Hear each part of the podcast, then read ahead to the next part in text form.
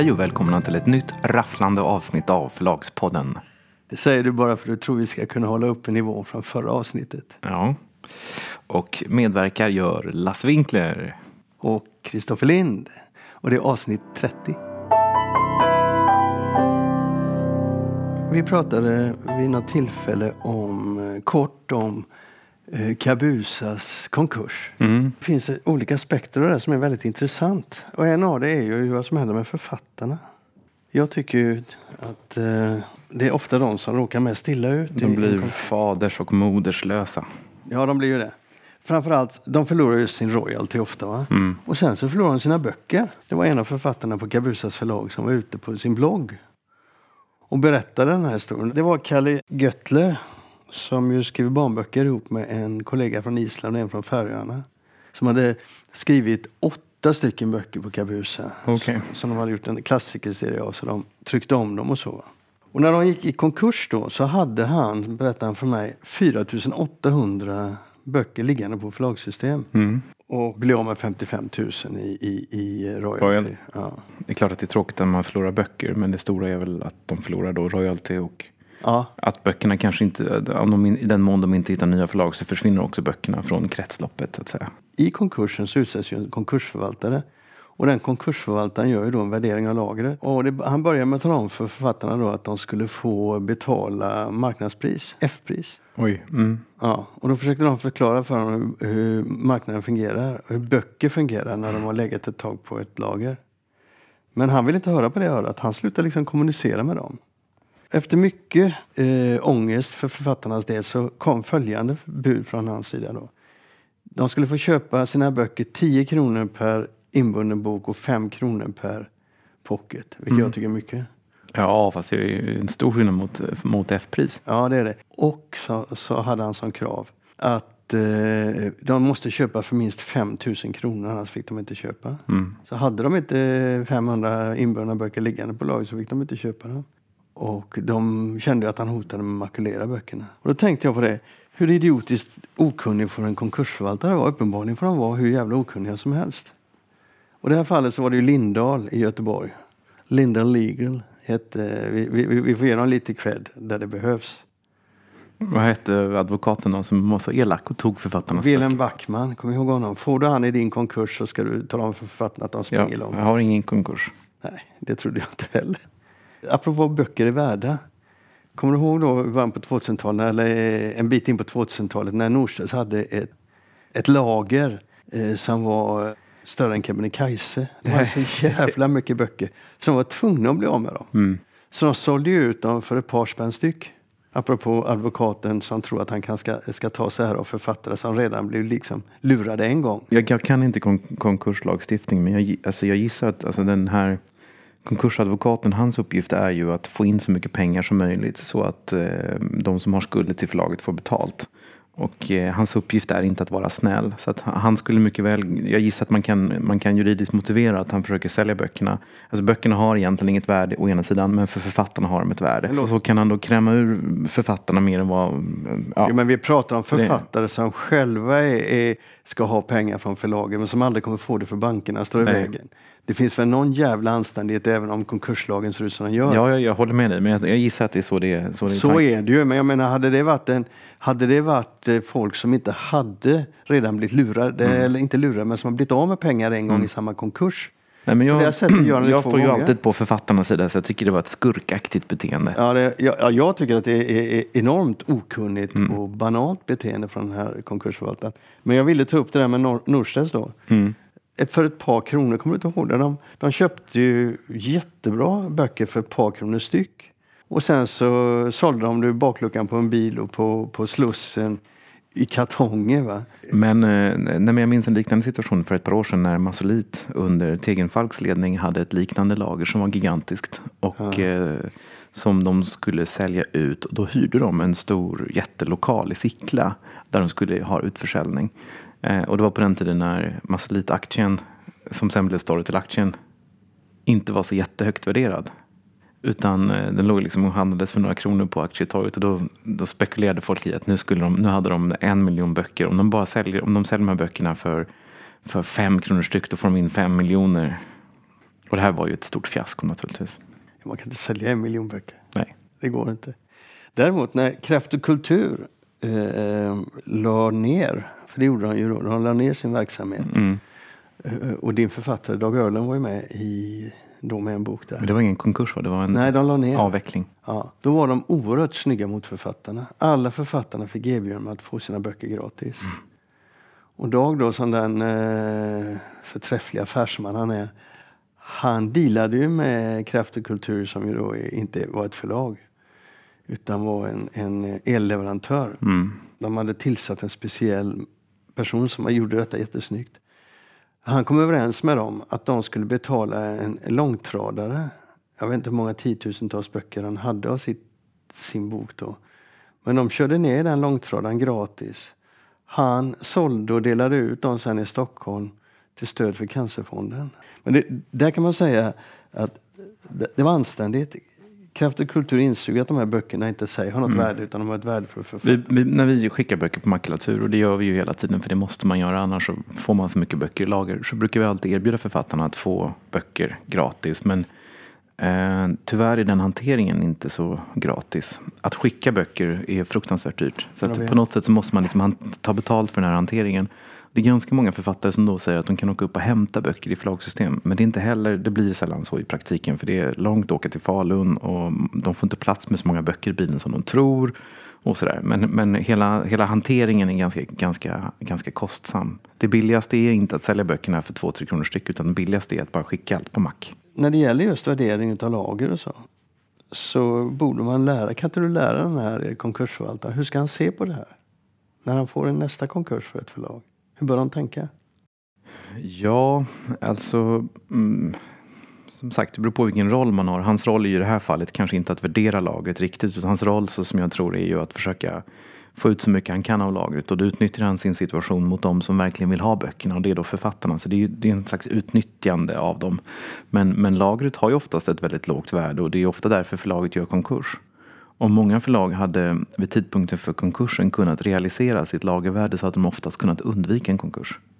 Det, varulagret är oftast det som är eh, om, man har, om ett förlag har, har hål i sin balansräkning, om det finns någonting som ett förlag har fifflat med så är det nästan alltid bok, eh, varulagret.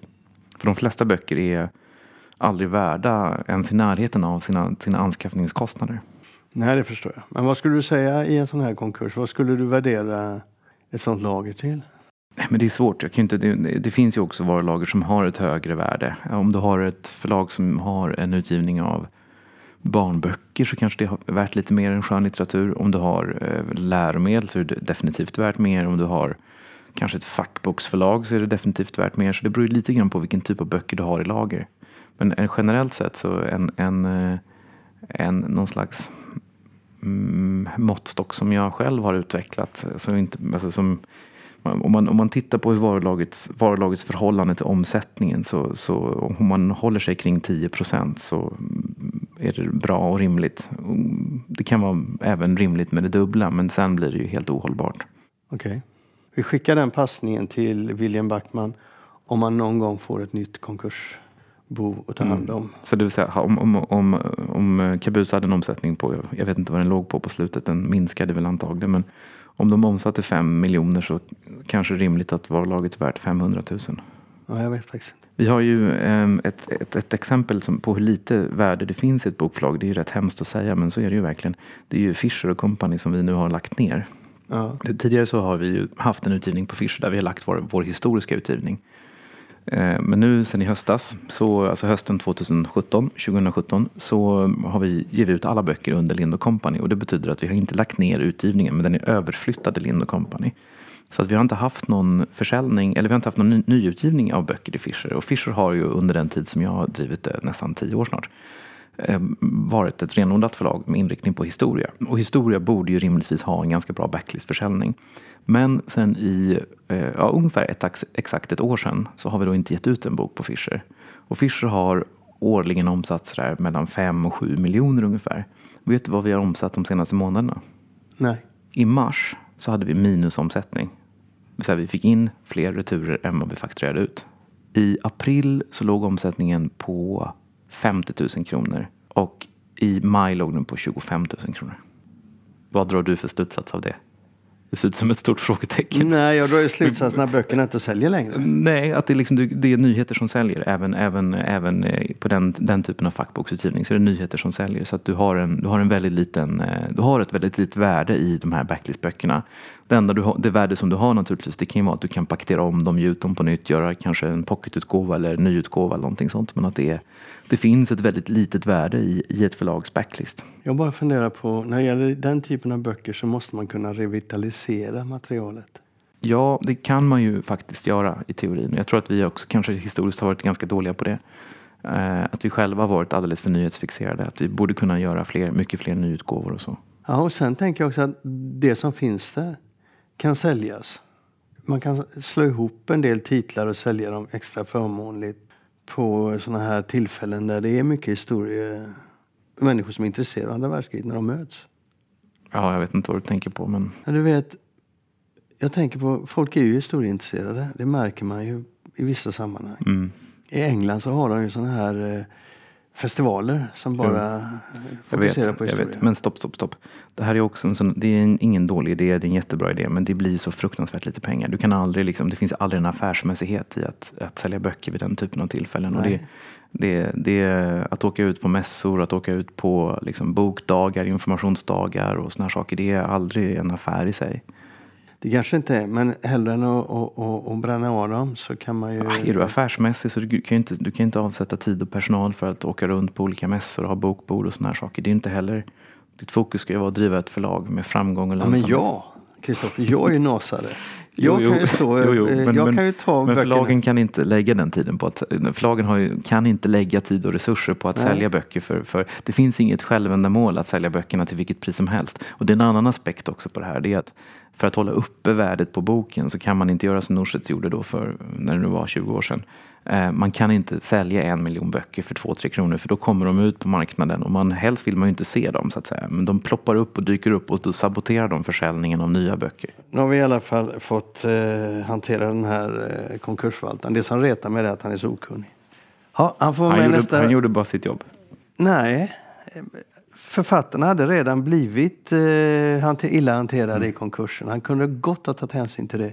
De småpengar det handlar om för bankerna Mm. Jag håller stora med. pengar. Jag håller med. Jag håller Ja, med. så att, eh, jag, jag tycker det. Och om du vet till exempel hur mycket Karin Brunk Larsson eller Holmqvist, Karin Brunk Holmqvist hade förlorat i, i den här konkursen och sen kräva pengar för hennes böcker. Ja, det är så oanständigt så jag vet inte vad jag ska ta vägen. Nu köpte ju faktiskt Bokfabriken upp dem. De har ju tagit över henne.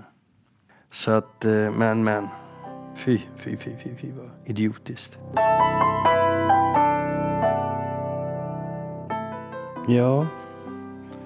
En sak som bekymrar mig när vi pratar om mindre förlag eller mellanstora förlag. De har det väldigt tufft. Och det här som vi pratade om alldeles nyss. Att författare kan lämna och lämnar. Och nu är det ett tag sedan. Bonniers var ju rätt hårda ett tag på att brandskatta marknaden. Både på bra förläggare och på författarskap. De drog ju på otroligt mycket för en sju, åtta år sedan. Så till den milda grad att jag tyckte att det var nästan eh, amoraliskt till slut. Och nu har jag då hört att vi är på gång en del nya författarskap till eh, Bonniers igen. Det har du också hört. Mm. Vad är det du har hört då? Eh, Jag har hört att Kristoffer Karlsson byter förlag från Piratförlaget till Albert Bonniers förlag. Och jag har hört att Kristina Olssons barnböcker flyttar från Piratförlaget till Bonnier Carlsen. Och sen har vi hört några namn till som vi inte kan ta upp då för vi har inte kunnat Nej, vi har några namn till där vi har hört att eh, Bonnier drar i dessa namn. Ja, också pirat. Vad jag vet. Det kan vara fel. Men, men min poäng, det räcker med de här två författarna att diskutera det som jag vill diskutera nu. Eh, det behövs inte särskilt mycket i dagens läge för att ett förlag ska råka illa ut. Om du tar fel författare, fel inom situationstecken, författare från ett förlag, så kan marginalerna vara så små för det förlaget så att de kan tvingas lägga ner. Och det där så har det inte varit förut, men så är det just nu. Och därför så blir jag lite bekymrad att Bonniers gör detta. Nu kan vi diskutera detta ur tre olika aspekter och ska göra det tycker jag. Men om man börjar på förlagssidan så tycker jag att, att Bonnier ska vara väldigt försiktig med att plocka över författare i dagsläget. Vad tänker du om det? Hårda ord från Lasse Winkler. Jag kan inte annat än hålla med. Nej, men det, det, det, det, Det, alltså det är så här. Jag, jag tycker att man, man, det ska alltid finnas en rörlighet och ibland så är det bra att författare byter förlag. Ibland så är det naturligt att ett förlag kanske kommit ut på ett litet förlag som inte har så mycket resurser och som inte är så duktiga och kanske liksom vill prova vingarna, kanske, kanske inte kommer överens. Alltså det, det är klart att det är samma sak som i ett äktenskap.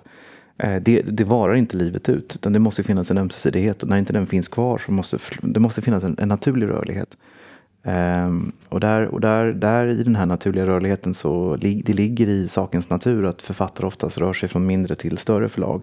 Och AB är det största och, och anses vara det finaste. Och därför så är det många som vill komma dit. Det, de, de funkar ju lite som en magnet. Så att ibland så tror jag att det finns en, en naturlig och en schysst rörelse dit. Och ibland så är den ful.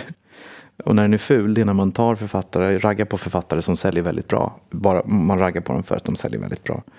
Eh, och i fallet Kristoffer Karlsson så vet jag ingenting egentligen. Men eh, min känsla, och jag har ju lite koll sådär, eh, det är ju att han, eh, han, har ju, han, har, han, skriver väldigt bra. Jag tycker mycket om hans böcker. Eh, han har verkligen en egen stil, han är originell.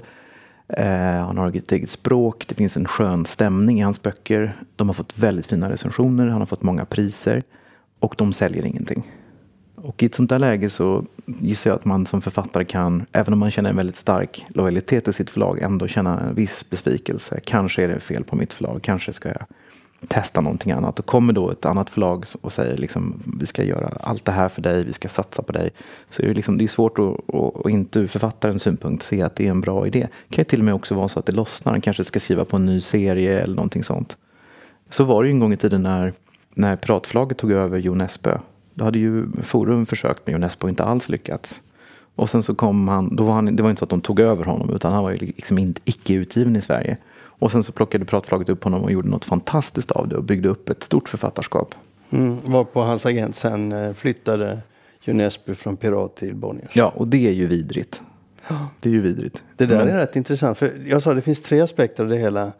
Och, och du har varit inne på författaren lite. Och författaren kan ha väldigt många argument för att flytta på sig. Och så kan det vara i det här fallet vi pratar om nu. Men inte desto mindre så är det ju så att när man tittar på förlagsaspekten så kan det bli väldigt tokigt i slutändan. Mm.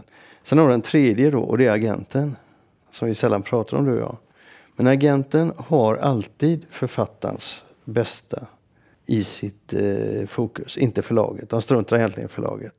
Det intressanta här då är att, att Ofta är, är, är, det författ, är det ju till exempel som i fallet Unesco då, då är det Salomonsson Agency. Ja, i, i fallet Kristoffer Karlsson så är det ju också Salomonsson Agency eftersom det är Astrid Alander. Astrid ja. Alander och det är också ägs av Salomonsson så det är ju lite samma. Ja, och då är det så att... Även Kristina Olsson är ju Salomonsson. Ja, och då är det så att Salomonsson startade sin karriär och fick hjälp att etablera sig av Piratförlaget. Det var Piratförlaget som gav honom all sin kunskap det var Piratförlaget som gav honom alla hans författare. Så när han då tar och flyttar Unesco till Bonniers så blir det klart att det blir en clash. Och eh, det gör att det blir surare än annars.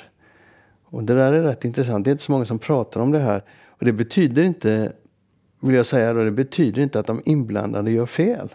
Men det är väldigt mycket starka känslor och det är väldigt mycket moral som är ute och går. I de här jag skulle säga att det är väldigt lite moral som är ute och går. Ja, men det är väldigt mycket moralaspekter då. då. Ja. Men det är väldigt lite moral som utegår. Det är helt sant.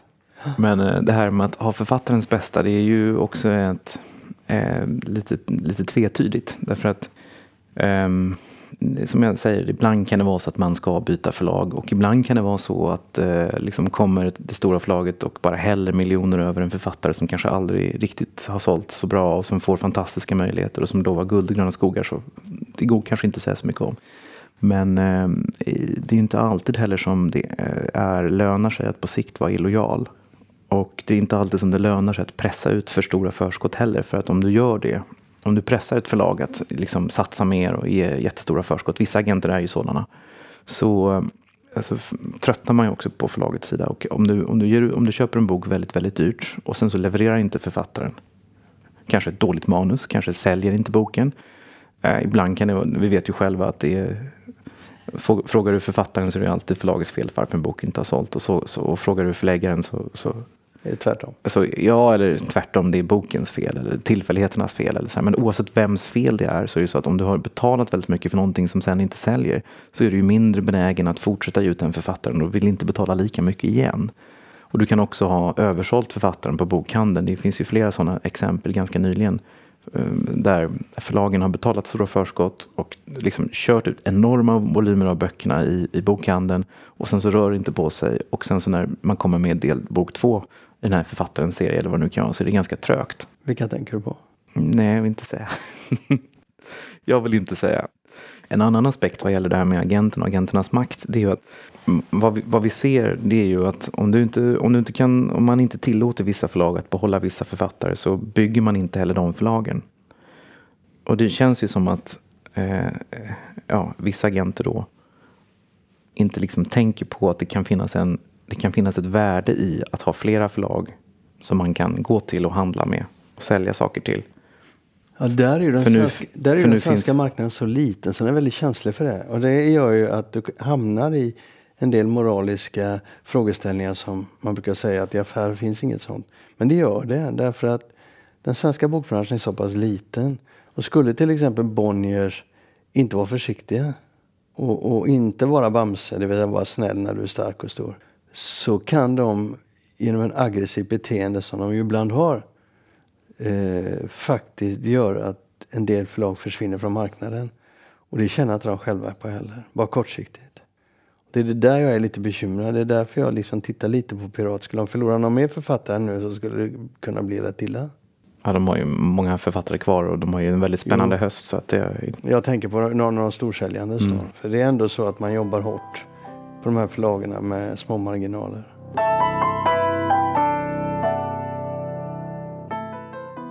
Du hade en idé. Du såg att Bookbeat eh, sänker priserna. Mm, Och då fick du en, energi, en, en, en energikick tror jag. Nej, jag fick ingen energikick, men jag, jag har... Eh, ja, det är många som har, några som har frågat mig vad jag tycker om det här med att Bookbeat har sänkt priserna. Och eh, jag har förstått att de själva har varit lite oroliga för hur det här ska uppfattas. Och eh, jag vet att deras konkurrenter har liksom diskuterat det och sådär. Men, men eh, eh, min reflektion kring det här, oron alltså ska jag kanske säga först, är ju att detta ska leda till ett priskrig. Att det blir ännu mindre pengar in i systemet och ännu mindre lyssningar, pengar att fördela per lyssning och sådana saker. Men vad de gör är väl egentligen att de faktiskt är de första som hedligt säger, ett, eller Nextor har gjort det tidigare, men, men att de hedligt säger ett, ett familjeabonnemang kostar så här mycket och annars kostar det, kostar det lägre. Jag skulle säga att de har alltså inte sänkt priserna utan de har, de har bara sagt att nu tar vi bort de här eh, gratislyssningarna som, som ju Storytel låtsas som att de av tekniska problem inte kan hantera. Mm. Det tycker jag är väldigt snyggt. För att min, min, eh, min eh, tro är ju att 169 kronor då som, tidigare, som det tidigare har kostat och som Storytel fortfarande tar är för mycket pengar för ett abonnemang som man bara kan lyssna på en person. 169 kronor blir ju på ett år nästan 2000 kronor. Och om man tänker sig att genomsnittskonsumenten i Sverige lägger 600-700 kronor om året på att köpa böcker så är 2000 kronor fruktansvärt mycket. Eh, Och sen kostar liksom Netflix eh, och Spotify och sånt väldigt mycket lägre. Så att jag tror att det är, det är en nivå som antagligen är för hög. Men eh, om man Den kan... är för låg sett till författarersättningen. Ja, fast det har ju med... Det, har ju, det, ja, det är en annan fråga skulle jag säga. Exakt. Men, men eh, eh, i praktiken så är det ju inte så att folk... Alltså folk har ju, lyssnar ju på, på Storytel så är ju fler som lyssnar på ett abonnemang. Så är det. Så, Och då det, kanske, jag tror kanske att 169 kronor är ett, vad ett familjeabonnemang ska kosta. Men är man fem personer kanske det blir lite väl många lyssningar. Ja, det blir ju det. Ehm, Jag tror att Nextory tar 199 och då kan fem lyssna samtidigt. Det är poäng, man kan lyssna samtidigt på en bok. Eh, vad de tar nu det är 149. Ja, så kostar varje familjemed, ny familjemedlem 49 kronor i månaden. Eh, och jag tycker det är ett rätt schysst pris. Jag tycker också att det låter rätt schysst och framförallt är det hederligt att man, man, eh, man inte har en så säga, informellt familjepris, vilket Storytel i någon mening har. Ett, eh, ett pris som jag tycker lurar eh, förlagen och författarna. Mm.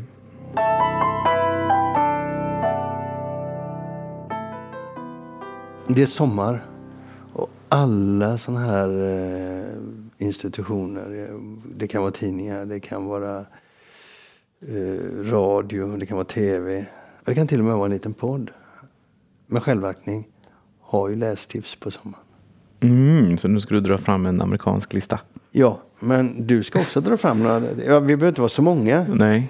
Men jag tänkte i alla fall passa på. Ska jag börja eller ska du börja? Nej, men jag har ingen lista så du får börja. Ja, då får du hinna tänka ut något bra då. Jag måste ju, som i alla lägen, slå, en, slå ett slag för alla mina favoritförfattare. Fyra stycken. Mm. Två stycken har dött i vår. Så att det är faktiskt... Det var tråkigt. Ja, det är tråkigt. Och jag har faktiskt rätt att eh, höja dem till skyarna då, när de har dött. Den första jag tar upp då är Philip Kerr. Ja, men det tycker jag också om. Han har väl inte dött? Jo, han har faktiskt Va? det. Ja, tyvärr har han gjort det. Men han var inte gammal. Han var inte gammal. Han skrev väldigt mycket. Han skrev väldigt brett. Science fiction, han skrev Ja, jag, bara, fantasy. jag har bara läst de här eh, som börjar under tredje riket och Ja, fortsätter Bernie fram. Günther-serien. Ja, Günther, ja precis. Ja, just det. Men han, han skrev barnböcker. Han skrev böcker med filosofiskt anslag. Han var ju filosof också. Så att det märks i böckerna eh, om Bernie Günther. Jag tycker det är en kongenial grej han gör när han tar en polis med eh, en, ska man säga inom citationstecken, god polis då med moral. Som får eh, huvudrollen i hans böcker.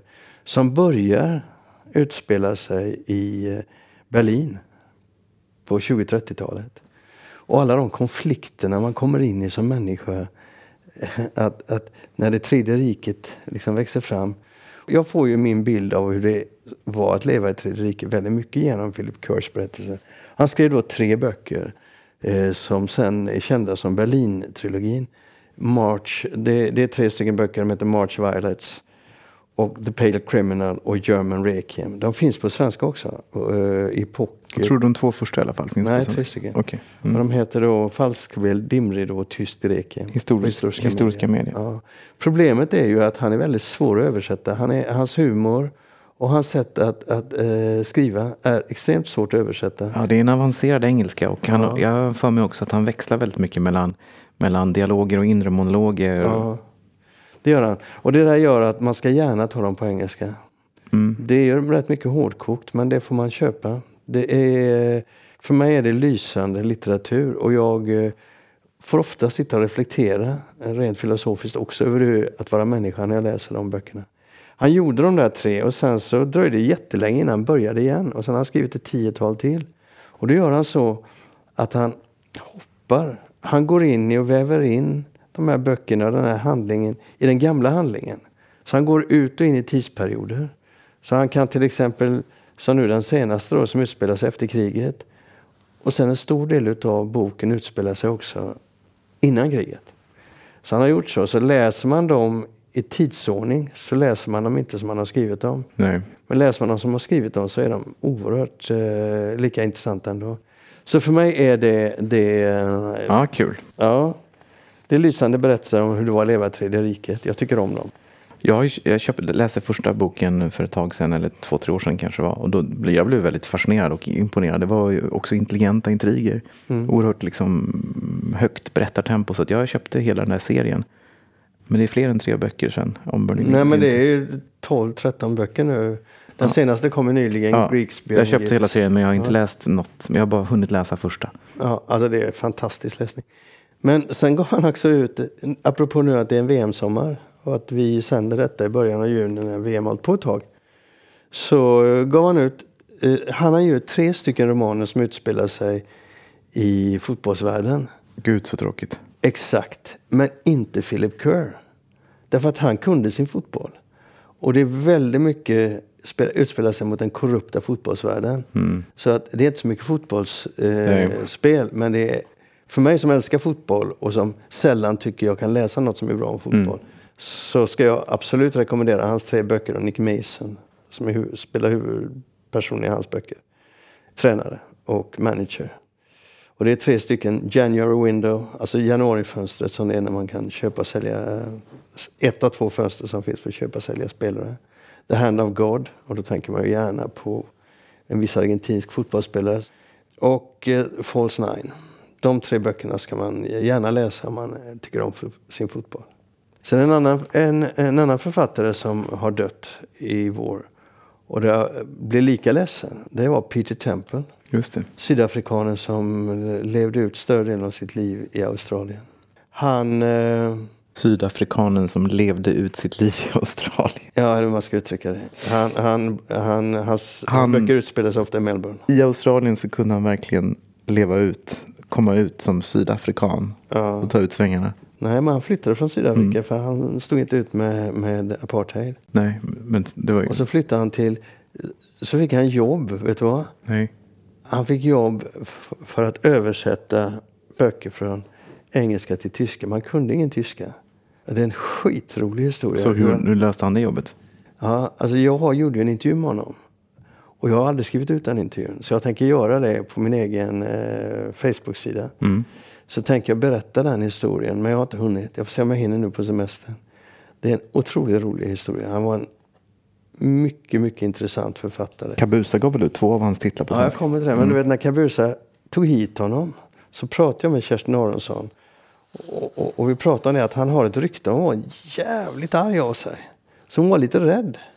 Eh, en högst amabel människa. En av de trevligaste och mest intressanta intervjuerna jag har gjort som journalist. Och då finns det konkurrens ändå. Men han har skrivit eh, sju, åtta, nio böcker kanske. Kanske lite mer. Han har skrivit framförallt en serie om en advokat som heter Jack Irish. Men det, du skulle Men då- komma med dina sommartips. Är det här sånt Ja. du ska läsa? Nu? Ja, alltså jag tycker man ska läsa Jack Irish-serien. Men framförallt ska man läsa de två som har kommit ut på svenska. Mörk kust och Truth, alltså sanning. Broken Shore och Truth. Mörk Du har kust ingen Lind Company-bok på den här listan? sanning. Det, ska, det får vänta, det, du får vara lite nyfiken här. Men i alla fall de två är bland det bästa jag har läst. Han är väldigt, han är väldigt djup i personteckningarna och han, han är, hans intrig är otroligt eh, väl skriven tycker jag. Och dialogerna. Jag tror aldrig jag läst en bok där han är du vet, jag hämta, fick hämta andan. Jag satt och läste, jag kommer ihåg jag läste en sida i, i Truth. Och så inser jag att det hände så mycket i mitt huvud. Eh, jag såg en jävla massa saker som hände. Så jag fick stanna upp och inse, men vänta lite nu. Det var ju knappt några år jag läste. Och så gick jag tillbaka och såg vad som ligger mellan raderna. Det var så enormt snyggt skrivet och så enormt intressant. Och det var ju den han vann eh, eh, ett stort litterärt pris för i, Australien. Den enda deckarförfattaren som vunnit ett stort litterärt pris. Och den, den, den tredje då eh, är ju Don Winslow. Som jag också intervjuade nu och som jag tänker eh, Också en hemlig intervju som du inte skrivit ut. Ja, jag, jag ska skriva ut den också på, på Facebook. Tanken var ju att vi skulle haft den i podden, Ja. men vi fick inte ihop det. Det där är ju, han har ju skrivit den bästa boken jag har läst när det gäller just deckare och thriller. Och det är ju som jag har sagt tidigare, det är ju Power of the Dog. Eh, och ska man bara läsa honom, man kan läsa allt med honom. Jag har ett ex av den här senaste boken som han, som han har bytt förlag i Sverige. Det är Harper Collins som är ute honom nu. Jaha. Jag kommer inte ihåg vad den heter men den har jag ett ex av. Ska man inte börja med den då? Ja, jo, det kan man göra. Jag tänkte eh, föreslå tre böcker. Och det är Power of the Dog. Och dess uppföljare The Cartel som han skrev tio år senare. Alltså de är djupt, djupt, djupt svarta. Utspelar sig i gränstrakten mellan USA och Mexiko. Och om man inte förstår vad som händer där, inte har fantasi nog att förstå hur land kan implodera rätts, rättsmässigt, eller vad man ska kalla det, som Mexiko har gjort. Och förstå vad, vad, vad droghandeln gör. Så ska man läsa hans böcker.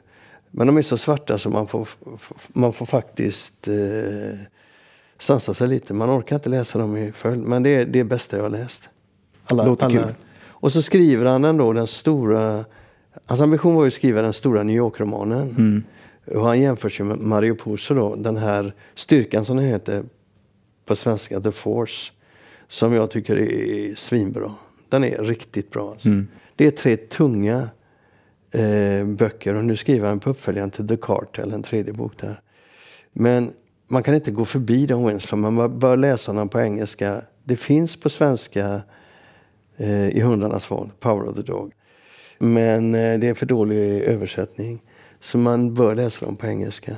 Styrkan är bra, den är helt okej. Där finns lite grejer som jag irriterar mig på. Collins ger ut honom i Sverige trots att han egentligen är urtypen för författarskap som inte säljer i Sverige. För den typen av böcker har inte tillräckligt många men det eh, beror, beror kanske just på att Harper Collins har en idé att man ska ge ut stora författarskap i många länder samtidigt. Han ingår väl i det programmet tror jag. Ja, det gör han. Och då, eh, jag tror inte på den idén. Jag tycker den är korkad eftersom den går emot allt som publishing innebär. Eh, Att, man Att ska, all publishing är lokal, ja. all publishing är lokal och att det är bara vissa internationella superfenomen som kommer var femte år som funkar samtidigt i hela världen. Och att han är ett sånt exempel. Men vi som älskar eh, eh, Don Winslow ska vara jätteglada för att det är så. Och sen ska jag ta den sista då. Så att du, innan du somnar där då. Ja, jag ser med oro att du har ganska många papper här Nej, framför dig. Nej bara, det var minnesanteckningar för Ja, hela, hela, hela oroväckande många inslaget. minnesanteckningar. Den fjärde då som man ska, ska eh, läsa i Mm. sommar. Det är Adrian McKenty. Så jag faktiskt fick eh, tips av. Inte heller en Lind Company-bok. Nej, men jag fick ett tips av en Bonnier. Eh, en kille på Bonniers. Eh, när, jag, när jag ville ha nya författarskap. Och då fick jag Adrian McKinty. Och det är ett av de bästa tips jag någonsin har fått. Modernista ger ut honom nu. Och det man ska läsa av honom framförallt. Det är hans ser, serie om Sean Duffy. Som är en, en eh, protestantisk polis i en katolsk poliskår. Eller tvärtom. Han är en katolsk polis i en protestantisk poliskår. I, på Nordirland. De böckerna är otroligt bra. Han, är väldigt, han har väldigt eh, mycket humor. McKinty och han är väldigt, väldigt slagfärdig. Um, han skriver böcker som jag, jag... Så fort jag läst sluten uh, Sean Duffy-deckare så vill jag direkt ha en ny. Nu har Modernista börjat ge ut dem och de har gett ut de två första. Kall, kall jord och jag hör sirenerna på gatan. Cold, cold ground och I hear the sirens in the street. Och alla älskare av Tom Waits vet att det där är låttitlar från Tom Waits. Alla hans Sean Duffy-deckare har alltså en låttitel från Tom Waits. Eller en titel från Tom Waits. Taget. Intressant. Ja, det är för mig ett, ett, ett, ett, eh, kvalitetsbegrepp. bara Så du vet det. Men han är en lysande skribent och eh, han är en av de få författarna i världen idag som har en blogg som fungerar. Där han skriver inlägg och där han är intressant. Han är rätt provokativ i sin blogg. Så Precis de fyra, De fyra. de fyra ska man läsa Mm. om man gillar eh, samtida eh, deckare, lite noir. Men som har någonting att säga om samtiden väldigt mycket. De är, och dessutom har de ofta ett filosofiskt djup allihop. De, eh, ja, det rår mig ofta att läsa dem. Den typen. Nu måste du ju åtminstone ge något tips. Du har ju läst någonting. Du nej, men, nej, men jag har en lista med böcker som jag... Alltså jag på sommaren brukar det alltid vara så att jag... Dels är det några författare som jag är väldigt nyfiken på som, som mina konkurrenter ger ut. Som jag läser både av, av lust men också av någon slags konkurrensanalys, Mm. omvärldsanalys. Och sen har jag alltid lite klassiker som jag vill läsa och sen så har jag alltid lite andra böcker som jag vill läsa. Den här listan, det är liksom, jag har inte... Jag ska gå på semester först om en vecka ungefär. Så jag har inte riktigt sammanställt det här. Det är inte, en- jag kan inte redogöra för exakt vilka böcker det blir. Men jag kan återkomma och redogöra när, jag, när vi ses nästa gång. Ja, då kan du säga de här skulle ni ha läst i sommar. Ja, precis. Det kan jag säga. Nej, men det Jaha. finns ju en höst också man kan Ja. läsa böcker på. Och inga, inga Linn Company. Nej, du får tåla det att det inte blir några Linn Company författare denna gången. Vi pratar ju ändå rätt ofta om Ja, det var mycket Company. Bonnier-författare. Inga alls. Nej, en Bonnier, en Kabusa, en Modernista och en Harper Collins. Nej. En Kabusa, en Harper Collins, En historiska en, media. en, historiska media och en Modernista. Okej. Tre småförlag och ett specialförlag. Inga Bonniers. Och det där är intressant att det är småförlagen som tar den typen av författare. Det beror på att de inte är kommersiellt Nej. gångbara. Det är samma sak med de som vinner priserna i Sve- Svenska Deckarakademin. Det har vi sagt tidigare att anledningen till att det är så mycket småförlag som vinner de översatta kategorierna det är ju för att den typen av deckare som oftast vinner den kategorin är jättebra böcker som är svårsålda och där är liksom inte de stora förlagen inne och drar i dem. Nej. Nej, och i den, och i den svenska kategorin så är det ju ofta de, de Nej, som vinner ligger på de stora förlagen ofta. Men de här fyra författarna kommer jag med en dåres envishet alltid att slåss för. För de är förbannat bra. Mm. Alltså. Sen är det kanske inte så många som lyssnar på mig. Men det, det får jag ju tåla då. Ja, det där var 30 avsnittet av Förlagspodden. Och nu är vi inne i början av juli och nu är det sommar. Så har vi ett avsnitt till och sen så kör vi ett litet uppehåll och sen kommer vi tillbaka i mitten av augusti. Bra, hej med er! Hej då!